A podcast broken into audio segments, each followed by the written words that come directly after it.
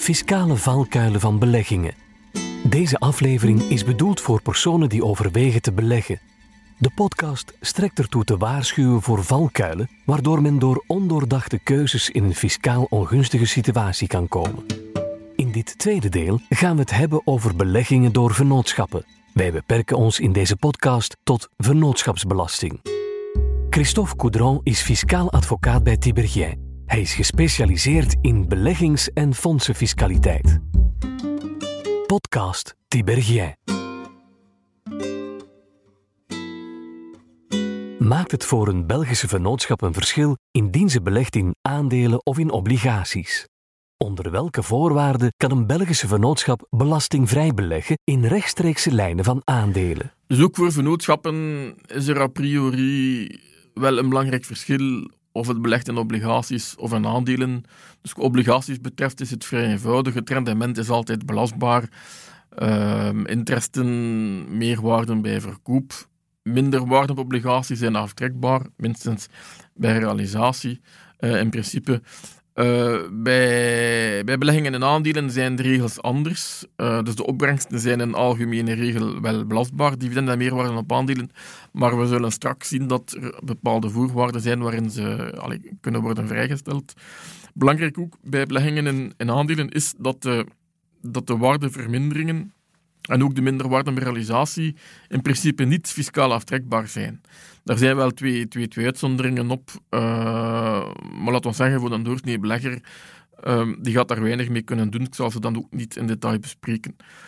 Uh, belangrijk voor, om überhaupt de, de meerwaarden op aandelen te, kunnen, te kunnen vrijstellen en de dividenden vrij te stellen, is belangrijk wat men noemt de taxatievoorwaarden. Dus als we belegd in vanuit een vennootschap in een andere vennootschap, die bijvoorbeeld niet onderworpen is aan vennootschapsbelasting, bijvoorbeeld Luxemburg en SICAF, uh, dan zal men nooit nimmer uh, de dividenden nog de, nog de meerwaarde kunnen, kunnen, kunnen vrijstellen. Dus dat is belangrijk om dat voor ogen te houden. Beleggen in Luxemburgse SICAF uh, is altijd onherroepelijk fiscaal nadelig. In tegenstelling zullen we straks zien dat Belgische SICAF die onder bepaalde voorwaarden wel kunnen worden vrijgesteld.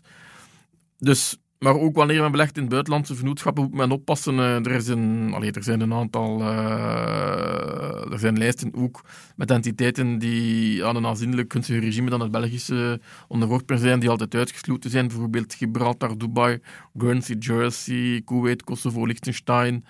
Er zijn er nog een paar vakantiebestemmingen, dus waar, uh, waar men heel weinig belasting betaalt, die sowieso tot de uitsluiting van het TB-regime en de vrijstelling voor meerwaarde zullen leiden zijn er ook kwantitatieve drempels om vrijstelling van de dividenden en van de meerwaarde op aandelen te kunnen genieten. Het stelsel van de DBI-aftrek, vrijstelling van dividenden en de vrijstelling van de meerwaarde op aandelen vereist ook naast de taxatievoorwaarde dat voldaan is aan bepaalde kwantitatieve voorwaarden. Men moet gedurende minstens één jaar in eigendom de, eigen, de aandelen aangehouden hebben, maar men moet ook minstens, het zij 10%, het zij een aanschaf, voor een aanschaffings prijs van minstens 2,5 miljoen uh, euro uh, een aandelenpakket aanhouden. Dat is een belangrijk uh, aandachtspunt ook wanneer men boven die drempel zit. bijvoorbeeld een participatie van 2,6 miljoen, maar als men gaat verkopen. Want als men eigenlijk uh, verkoopt in verschillende schijven, dan van zodra dat men eigenlijk beneden het niveau van 2,5 miljoen is gezakt, dreigt men niet meer aan die voorwaarden te voldoen. Dus de ideale oplossing daar is dat men zijn aandelenpakket van meer dan 2,5 miljoen in één keer kan verkopen aan één wel bepaalde koper. Het is dan nuttig om een overeenkomst op te maken waarin alles uitgelegd staat welke aandelen verkocht wordt, welke prijs. En op die manier zou men eigenlijk kunnen aantonen bij fiscale controle dat men voor de vrijstelling van de meerwaarde op aandelen in aanmerking komt. Nu, soms is dat niet evident, omdat men geen koper vindt uh, en dat men eigenlijk uh, een verkoopopdracht geeft aan zijn bankier die op de beurs gaat verkopen. En soms is dat niet op één beursdag, gaat daar wel tijd over. Uh, en vanaf het moment dat men dan eigenlijk beneden die een drempel van 2,5 miljoen is gezakt, dan, ja, strikt genomen, dan zou men daaronder de, dan zou men daar uitgesloten kunnen worden van de vrijstelling. Nu, gelukkig is er een ruling die onder bepaalde voorwaarden uh, voorziet dat, dat men toch, ook al wordt het in verschillende de beursdagen verkocht, dat men toch de meerwaarde kan, kan vrijstellen. Belangrijk is dat er één enkel beursorder is en dat men eigenlijk van in het begin de opdracht geeft voor het totale pakket.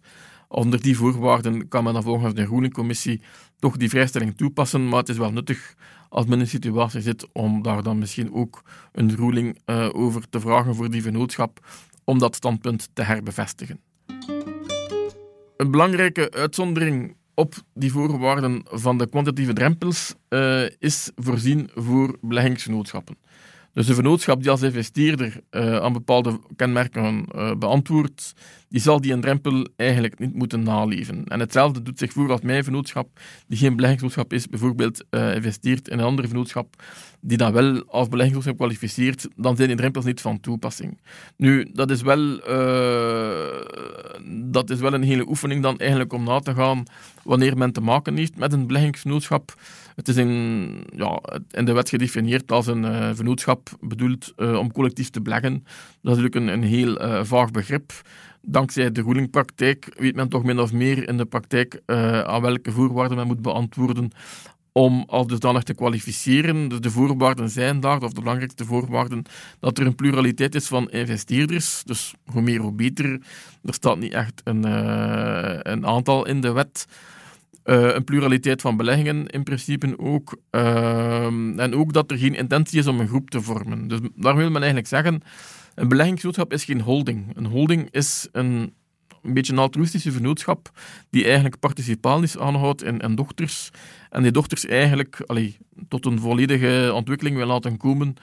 Uh, terwijl een beleggingsgenootschap eigenlijk vooral oog heeft voor het belang van zichzelf en van haar investeerders en een ertoe strekt om zo snel mogelijk eigenlijk uh, zoveel mogelijk winst te maken op het aankopen en verkopen van, uh, van, van, van participaties. Dus het is belangrijk als men een beleggingsgenootschap wil oprichten, dat men ook bij de, bijvoorbeeld de redactie van de statuten, het statutair voorwerp, waar men dat idee eigenlijk goed tot uiting laat komen. Soms hoor je ook soms dat een beleggingsgenootschap uh, een beperkte duurtijd moet hebben. Nu, wat mij betreft is dat een secundair kenmerk, niet doorslaggevend. Mits men op de andere parameters een geloofwaardig dossier heeft, kan men, wat mij betreft, nog altijd een beleggingsgenootschap zijn, ook al heeft men een beperkte duurtijd. Nu, dat concept van die beleggingsgenootschap, uh, het leuke daaraan is dat men dat kan doortrekken naar de zogeheten DBI-BVEC. Een DBI-BVEC uh, is in principe ook een beleggingsgenootschap. En dat is een bijzonder regime dat eigenlijk voorziet dat uh, dividenden uitgekeerd door de BVEC, dat die bij de Belgische vennootschap investeerder voor DBI-aftrek in aanmerking komen, voor zover dat een BVEC goede meerwaarde op aandelen en goede dividenden gaat weer uitkeren. Nu, dat is wel belangrijk, omdat een BVEC a priori eigenlijk uitgesloten is van DB-aftrek, omdat die een afwijkend fiscaal regime heeft.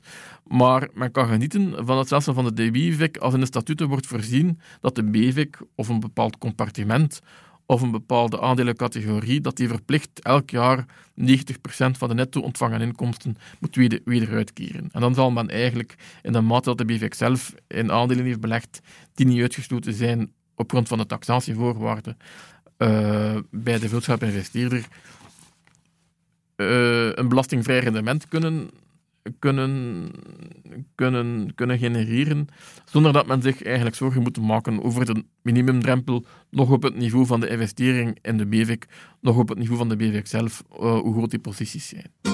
Hoe ziet dat dan als ik met mijn vennootschap beleg in een private privak?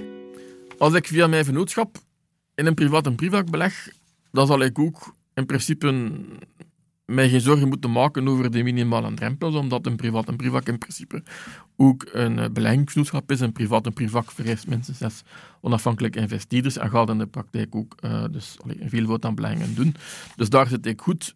Uh, er is wel één detail afhankelijk of dat de privaat en privak uh, als een normale vennootschap wordt belast, dat wel het speciale regime van artikel 185 bis geniet, zal mijn uh, DBI-aftrek en mijn vrijstelling van meerwaarde op aandelen bij de vennootschap uh, eh, 100% zijn of niet 100% in functie of de privaat en privak eigenlijk enkel uh, goede meerwaarde op aandelen en goede dividenden weer eruit keert. Dus dan komt er wel wat rekenwerk bij kijken om te kijken naar welke mate ik het kan vrijstellen. Maar door de band genoemen zitten we daar wel met een, een interessant uh, regime.